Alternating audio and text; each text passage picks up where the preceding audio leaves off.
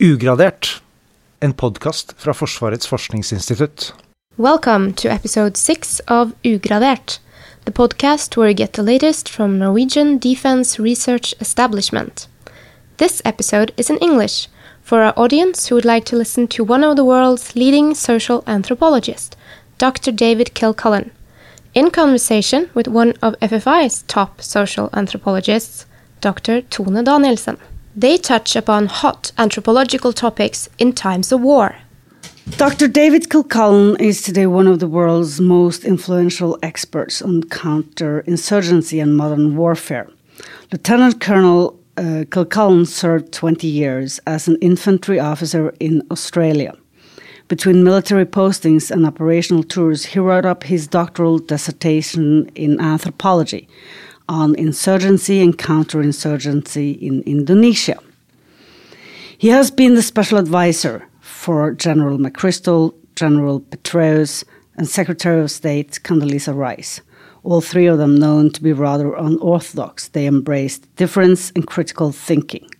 Now he is the chairman of Caerus Association, a strategy and design consultancy firm that he founded. And he's here with us today so, Dave, can you start by explaining how you combine your operational experience as a soldier with your anthropological theoretical framework?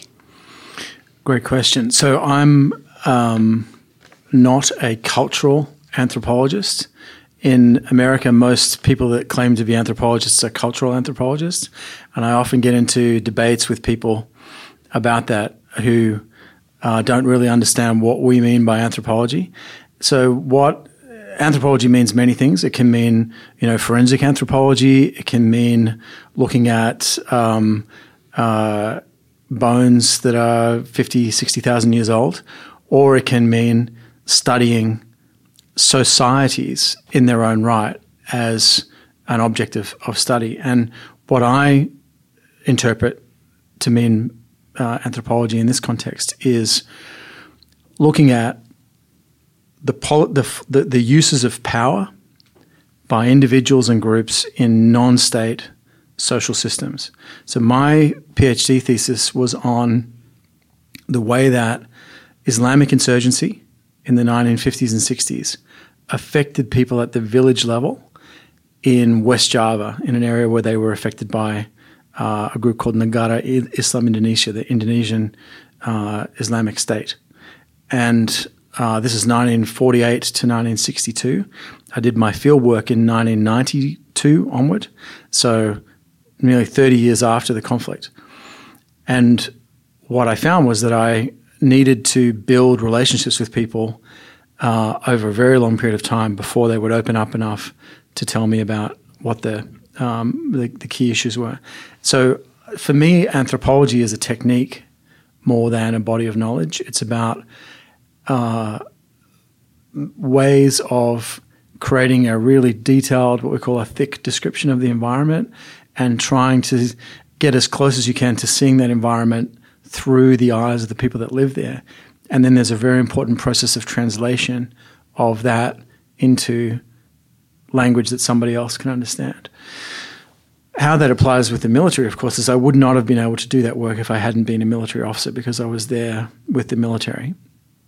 I did a lot of my second period of field work in East Timor with communities that were under very heavy threat during the uh, crisis in East Timor in 1999 and 2000. And then when the war started in Iraq and Afghanistan, we found ourselves killing a lot of Afghans and Iraqis because we didn't understand each other and because they were doing things that looked threatening to us and we were doing things that looked threatening to them and we ended up in a, a, a violent standoff. So many of us tried to apply, you know, basic techniques drawn from anthropology, but not just anthropology, to help the military do what it was doing in a less uh, violent and intrusive fashion and there's a lot of debate about whether that worked or not. You know, but that that was that was sort of how I got into it. Yeah. Thank you. Being a social anthropologist myself and studying military culture, this sounds very familiar. It mm. takes time to field work for people to to open up. And you wrote extensively. You wrote up four books, and your first book is Accidental Guerrilla. Mm. Can you tell us how you came up with this concept?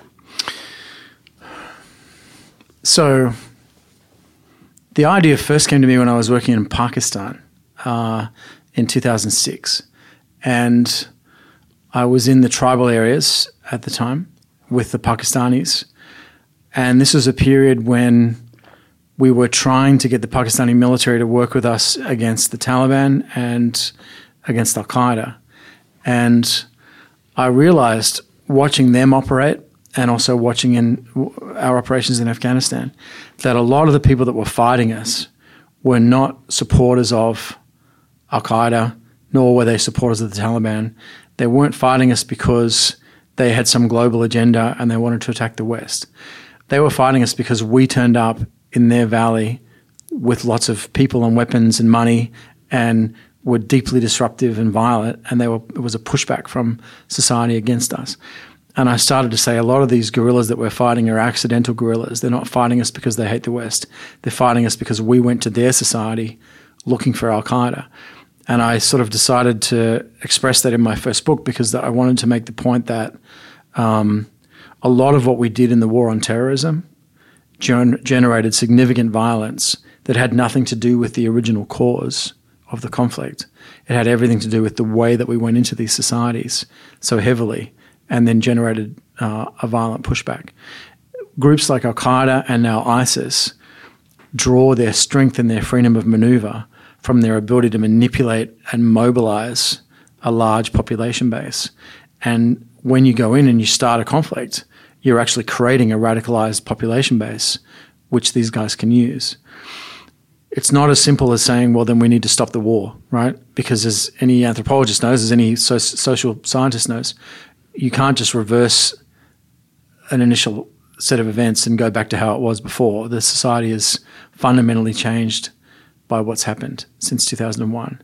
And uh, so we, in some ways, have to deal with the mess that we've made and try to um, help local communities put themselves back together. It won't be the same as it was before 9 11. But it, you know, I think that there is a possibility that we can get back to a more peaceful environment. So, what you're actually saying, because we both know that it is within anthropology a, lo- uh, um, a large mobilization against people like ourselves who's anthropologists and working with the armed forces. But what you're actually saying is that you used it to, to defuse the conflict level uh, on the ground. Yeah, look, I think I think there's a, there. It's people are right to be critical, and they're right to raise the issue of the ethical dilemma that is involved in working with sociology or anthropology in, in, in the service of a, a, military operation.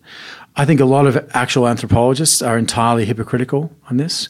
Most professional anthropologists that don't teach at a university work for um, big data uh, organizations or for they do ethnographies for computer companies or they work for uh, Procter and Gamble, seeing you know how people respond to uh, shampoo. Uh, you know, so I think the uh, the idea that you instrumentalize anthropology in the service of some organization's purposes, that's what anthropology is, you know. Um, the other thing I would say from my standpoint is I'm not a professional anthropologist who started studying the military. I'm a military officer with a degree in anthropology. I'm the worst nightmare of some of the people that are members of the um, because you know it's it's a, c- controlling that kind of of knowledge is important for them. Um, but I said that there's something real uh, that, that, that's legitimate in, in the criticism. And I, I remember when I was in uh, Baghdad, we had a library there and a lot of books that we could borrow and read. And I found a copy of Hannah Arendt's book, Eichmann in Jerusalem, and uh, read that between operations in Iraq. And, you know, people have critiqued Arendt's interpretation of Nazism, but her interpretation of Eichmann is that he had no ideology. He wasn't particularly um, uh, anti-Semitic. He saw the policy, and he decided we can make this go more easily with less violence if we just organize things better. And when I read that when I was in Iraq, it really made me have a crisis of conscience because I thought, is that what we're doing? Are we here just trying to make the policy go better instead of questioning the policy? So, where I come out on that is you have to fundamentally believe in the objective. If you don't believe in the validity of your own state and you don't believe in the mission and you don't believe in the ethical um, foundation of what you're trying to do, you shouldn't be helping the mission at all, whether you're an anthropologist or not whether you're a bus driver, you know, it doesn't matter. Um, but if you do believe that the mission is valid, then it follows that it makes sense to do that in a way that's less violent, that has less unintended consequences for people. So I think the fundamental is you've got to believe in the mission and, and believe that what your government is trying to do is legitimate. If you don't believe that, then you shouldn't be supporting it. Um, and then if you do agree that you should be supporting it, then I think all means are appropriate, including um, understanding the society in which you're operating.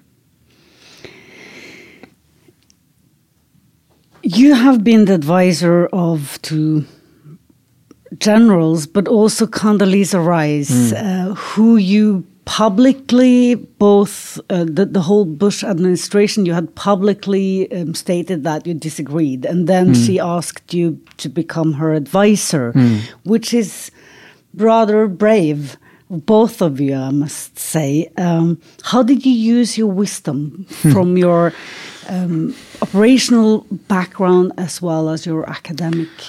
Secretary Rice was um, probably the best boss that I've ever worked for. She really was one of the first people in, in the Bush administration to lift her eyes beyond Iraq, to think about other problems like Afghanistan and so on.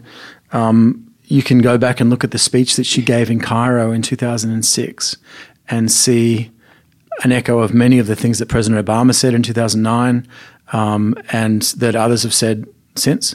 She was incredibly open to differing points of view. And as I've said to people before, they knew that I wasn't a supporter of, of the decision to go into Iraq. I'd written about that before. Um, but they still wanted the opinion of someone who knew what, what was going on on the ground. My role working for Secretary Rice was mainly to give her the on the ground picture of what was really happening in places like Afghanistan in particular. Um, so I'll give you one example. Uh, during the height of the conflict in Afghanistan, a lot of NATO countries and allies had what were called caveats, which were restrictions on what they were allowed to do and Secretary Rice was going to a conference which included a, a particular NATO nation that had some very restrictive caveats. And she was going to talk about it in a fairly theoretical fashion. Um, and I realized listening to her talk about it that she was an incredibly intelligent woman, probably the most intelligent person I've worked for. Um, but she'd never actually been on the ground in that particular set of circumstances and seen the impact of the of the caveat. So I, w- I had just got back from Afghanistan, and there'd been an environment where a young American officer had been shot in the ankle at eight o'clock in the morning, and if he'd been in an American area, he would have been in hospital in 15 minutes and probably back on duty three or four days later. Because he was in an area belonging to this particular NATO nation, they were not allowed to fly their helicopters into that area without permission from the capital city. It took them six hours to get the permission from the capital city. Um, the guy started to bleed out, and so his team decided to put him in a Land Rover and drive him for another 12 hours to get to hospital. So it took 18 hours for the guy to get to hospital. By the time he got there, they couldn't save the leg and he had he lost his leg. So I got a photograph of this guy in a wheelchair with one leg, and I brought the photograph to Condi, uh, to Secretary Rice and said, you know, when you're talking to the foreign minister from that country, show him this photograph and say, this guy lost his leg because of your caveat, and we'd like you to rethink the caveat. You know, so that that's.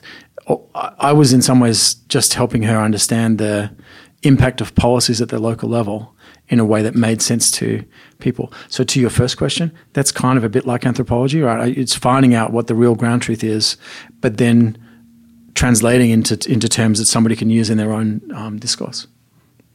That's what we call strategic impact. Wonderful.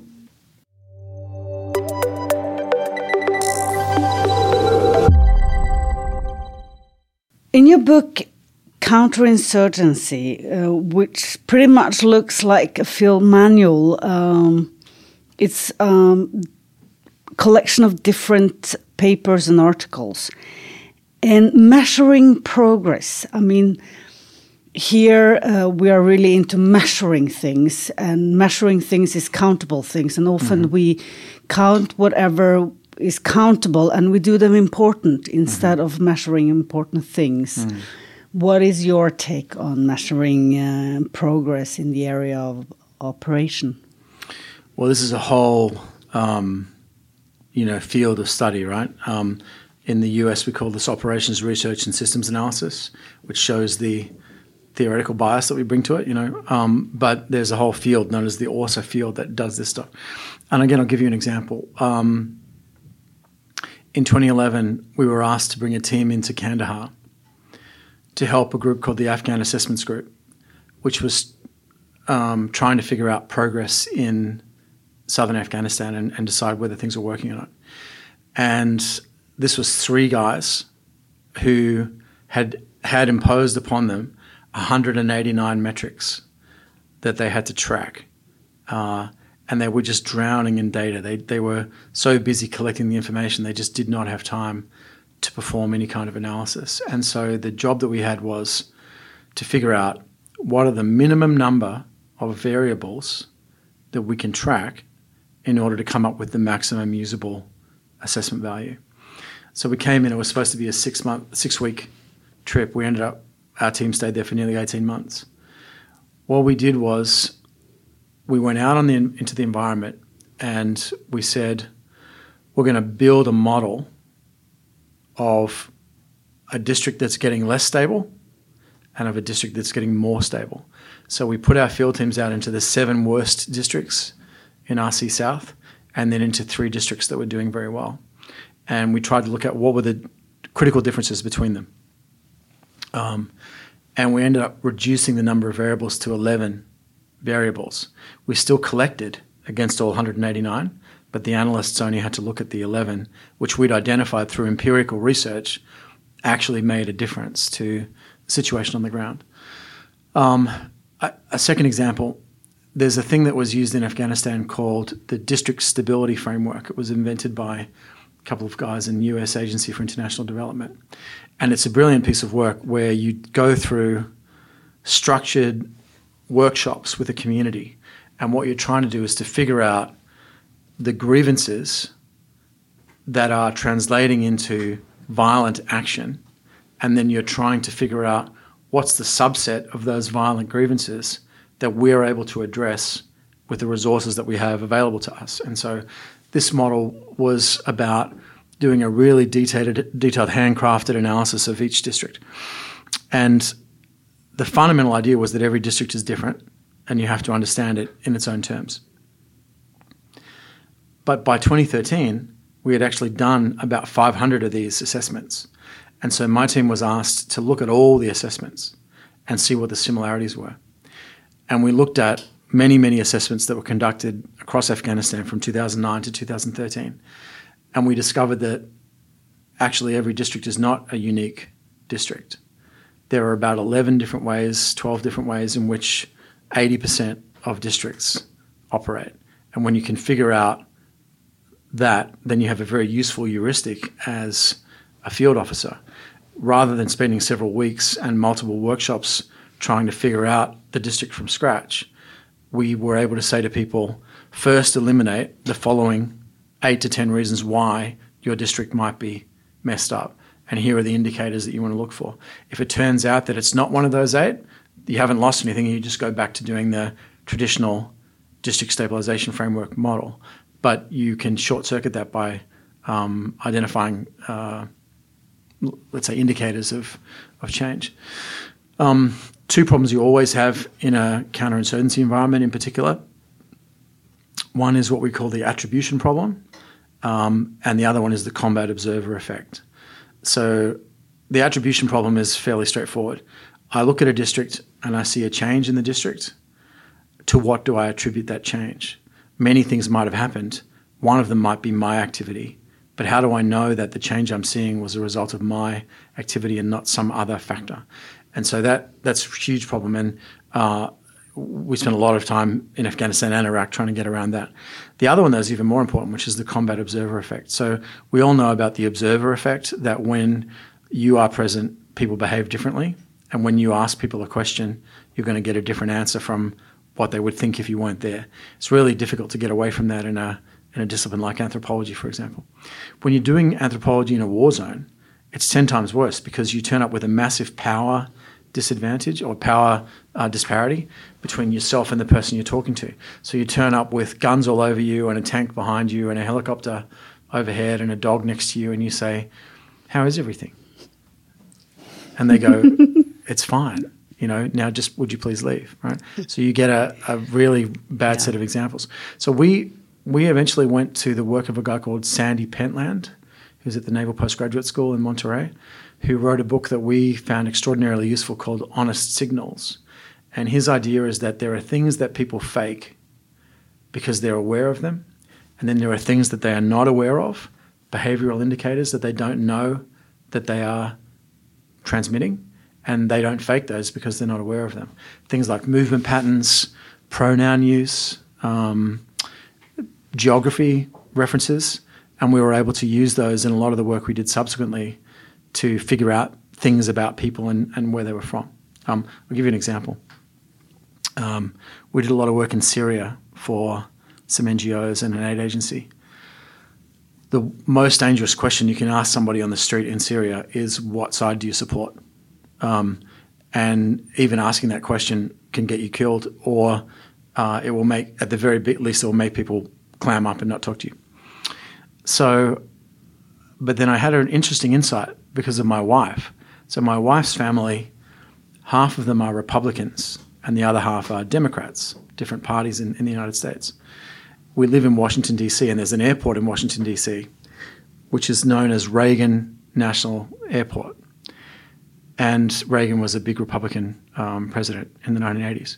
I noticed that my Republican relatives fly in and out of Reagan, and my Democratic relatives fly in and out of National. They're the same airport, but they use a different name for them. And then I noticed if you look at the war in Northern Ireland, there are, there's a particular area in Londonderry which the IRA call Patriots Corner and the British call Aggro Corner. Same place, different name. So we thought maybe we can use the vocabulary of geography that people use as a marker for their political uh, allegiances. So we started making maps, and we would go and work mainly with women, actually, in uh, in these environments, and get them to draw maps and put main landmarks down on the ground, kind of an ethnogeography approach. Uh, and then we were able to cluster people that used certain words and phrases to describe different landmarks uh, with political allegiance, looking at, at different um, indicators. It's an example of an honest signal. So I talk to somebody and I say, How do I get to the mosque?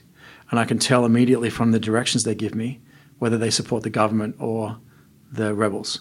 Um, and if you can do that face to face, that means you can do it on Twitter. It means you can do it on the internet, and you can start to use field work in a remote manner to monitor the environment. So that, that's where a lot of the research is going now. So how do you how do you translate honest signals at the local level into remote observables that you can use to target a field team to go and then carry out the research in a way that actually works. That was a really good example. Hmm. You also have different kind of techniques and what you uh, call a combat action monograph. Hmm. Uh, which um, I've been teaching a lot in different war academies. And, uh, and, can you give us just a short grasp of what it is and how it's used? Um, there's a great book by a guy called Spencer Fitz-Gibbon that was written in the mid 1990s called Not Mentioned in Dispatches. It's about the war in the Falklands. And what he does is to look at the way that individuals remembered combat from the Battle of Goose Green, which was a big battle in, in the Falklands, and contrast that with the way that the battle was written about later in official British military history.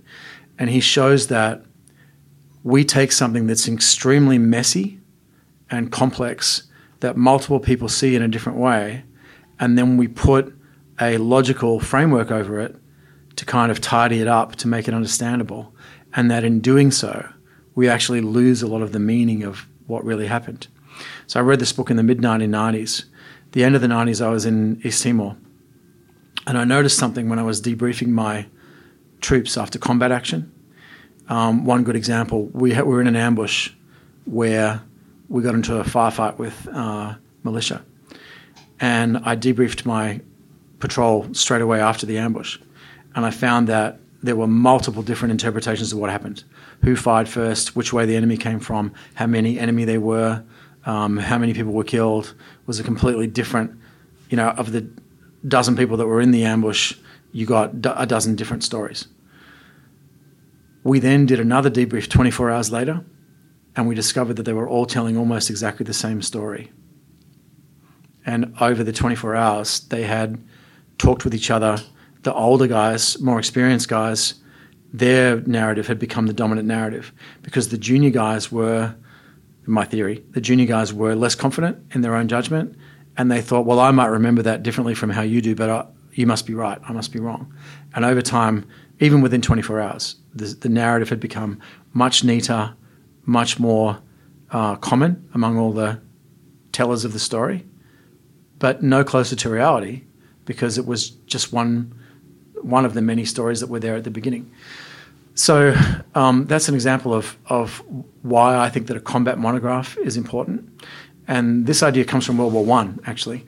Uh, at the end of World War One, George C. Marshall, actually, who was later the Secretary of, of State and, and a, a, big general in World War II, but at the time was an instructor at the War College, asked all American officers who had fought in World War One to write what was called a combat monograph, where they were asked to write uh, just a narrative, just a description of what happened to them in a major combat incident.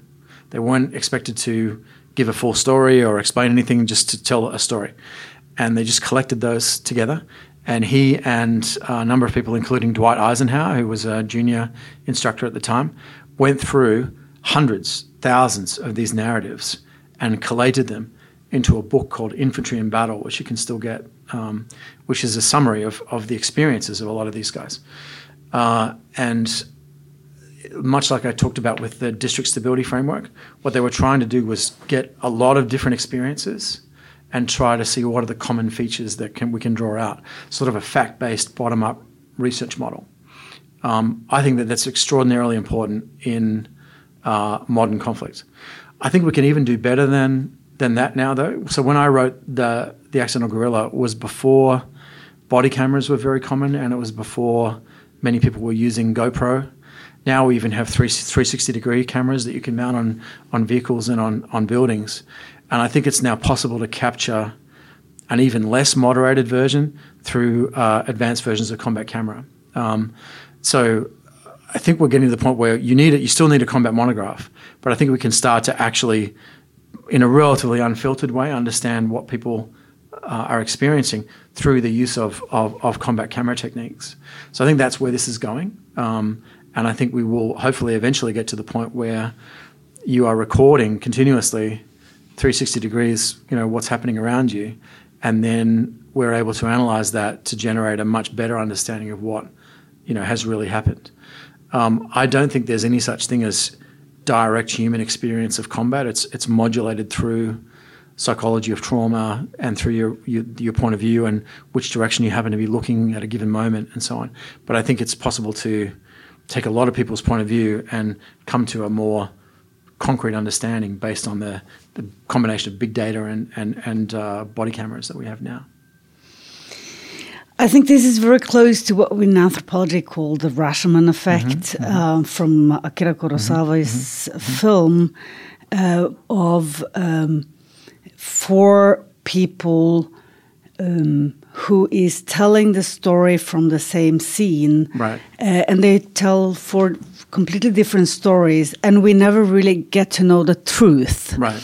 Which is interesting, and I think also just writing um, these monographs is a way of diffusing themselves. Right. Uh, so I, I really. Yeah, it is a hugely useful therapeutic action anyway, um, and so it's worth doing for a whole variety of reasons. Again, I'll give you an example of, of the interaction of combat camera with combat monograph. So I was in a big firefight in East Timor, and uh, I happened to be at the back of a formation when the firefight began. And so myself and my signals, my, my communicator, had to run through the firefight to the front um, to, to, to get to the forward area. And we had to run across an area where we were under some fairly heavy fire. Even now, when I think back to that firefight, I remember that area being completely open like a football field. I don't remember any obstacles or anything. I just remember completely blank environment with fire coming at me and a stone wall in front that myself and my radio operator were running for. It so happened that we had a combat camera operator with the patrol that day. And when you actually, and that, that movement was caught on camera, that was a wooded area. There were trees across that entire area. The fire that was coming in was so heavy that it was knocking branches off the trees. And myself and my combat, ca- my, my um, radio operator actually had to jump over a couple of trees that were falling to get to where we were going. I don't remember that at all. Like I know that it happened. I saw it on film, but I still can't remember it. Um, and I think you sort of strip out of your memory, out of your perception, things that are not directly relevant to your survival in a firefight, which is why the um, combat camera is so important because it helps you realize that your own perception isn't necessarily. I, it's not that I've forgotten something that I used to know. I it I ne- it never entered my mind, right? It just because I was under this you know psychological effect of, of combat. But the other thing is to realize what are the things that you don't remember, because that's important.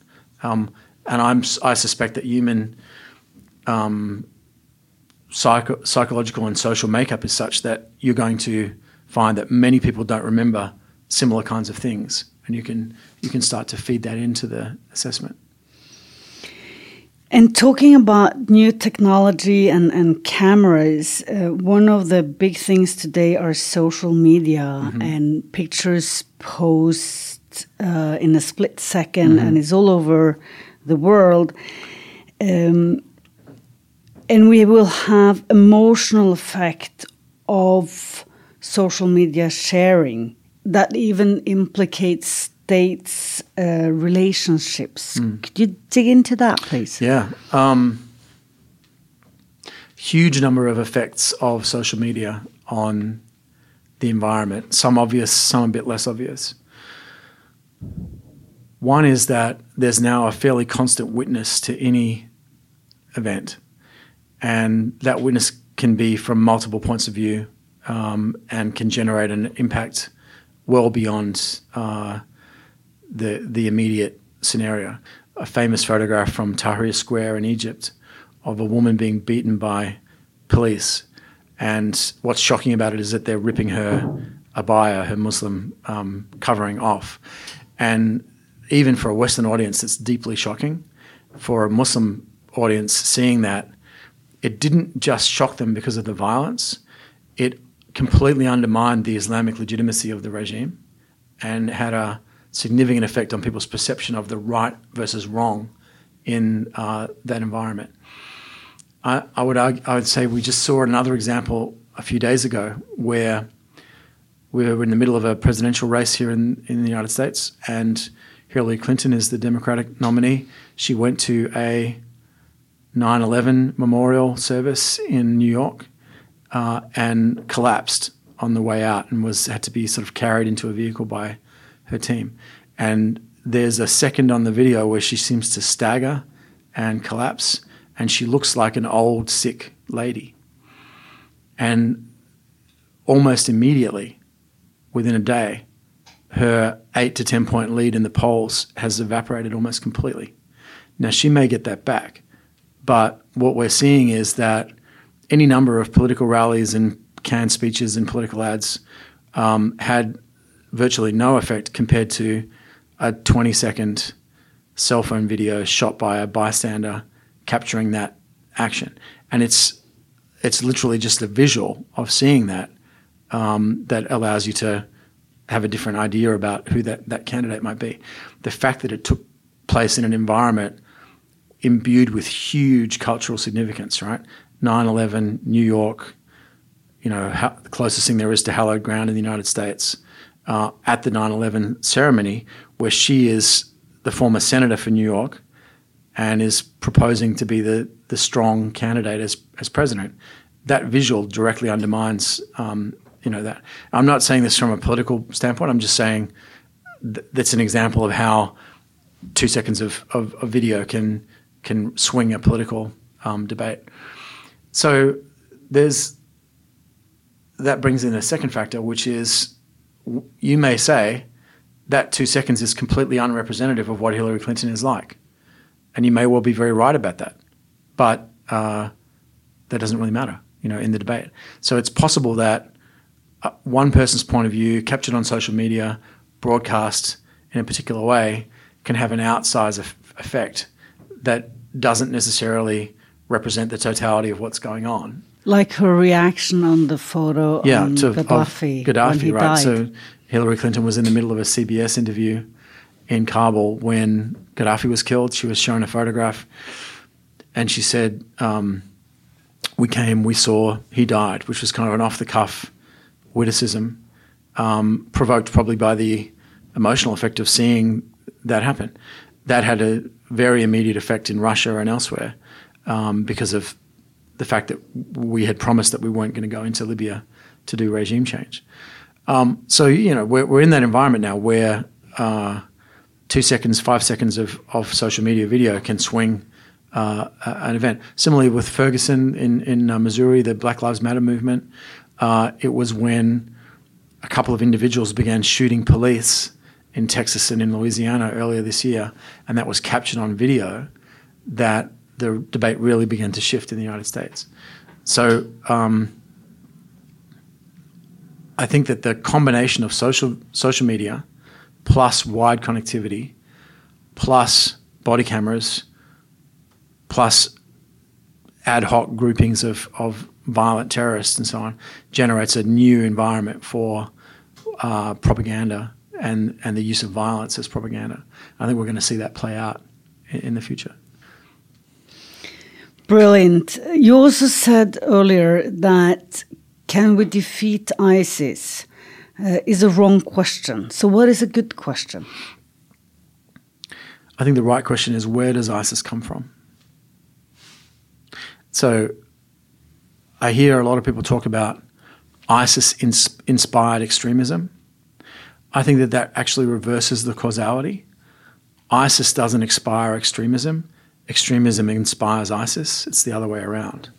Um, and so, I think that the real problem is not today's manifestation of the military threat. We can deal with that. The question is, how do we deal with it in such a way that we don't see another manifestation and then another one and another one after that? How do we actually get ahead of the curve? And so, you know, we were talking with special operations people today. Special operations work often feels like it's offensive because you're kicking the door down and shooting somebody, you know, or you're, you're taking a, a terrorist cell off the battlefield. So it seems offensive. But actually, in a long term strategic sense, it's actually defensive because all it's doing is dealing with today's threat. It's not getting ahead of the curve to deal with tomorrow's threat. That would be the that would be the strategic offensive.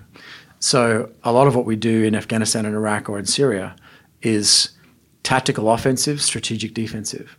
I think we need to get into much more of a strategic offensive where we're adapt we're trying to deal with the underlying issues that are driving the next generation.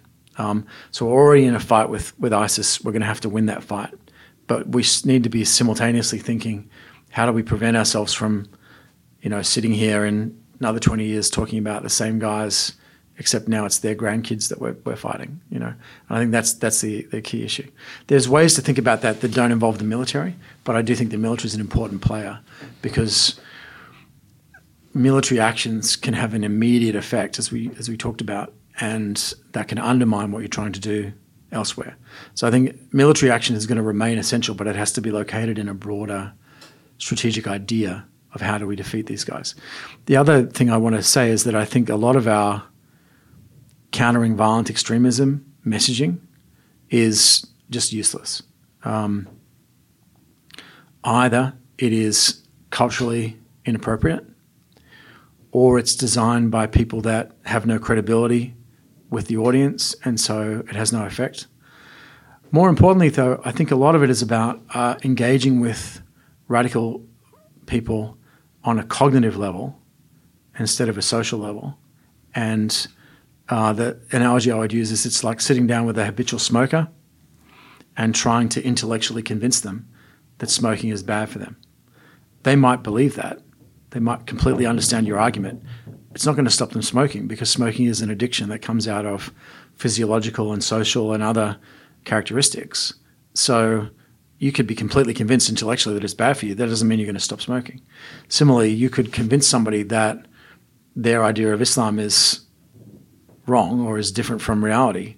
That's not going to stop them fighting necessarily because they may not be fighting for ideological reasons. They may be part of a social network that is engaged, or they might be chasing a particular person that they want to have a romantic relationship with, so that's why they're in the group. There's many different reasons why someone can take part in a, a violent grouping.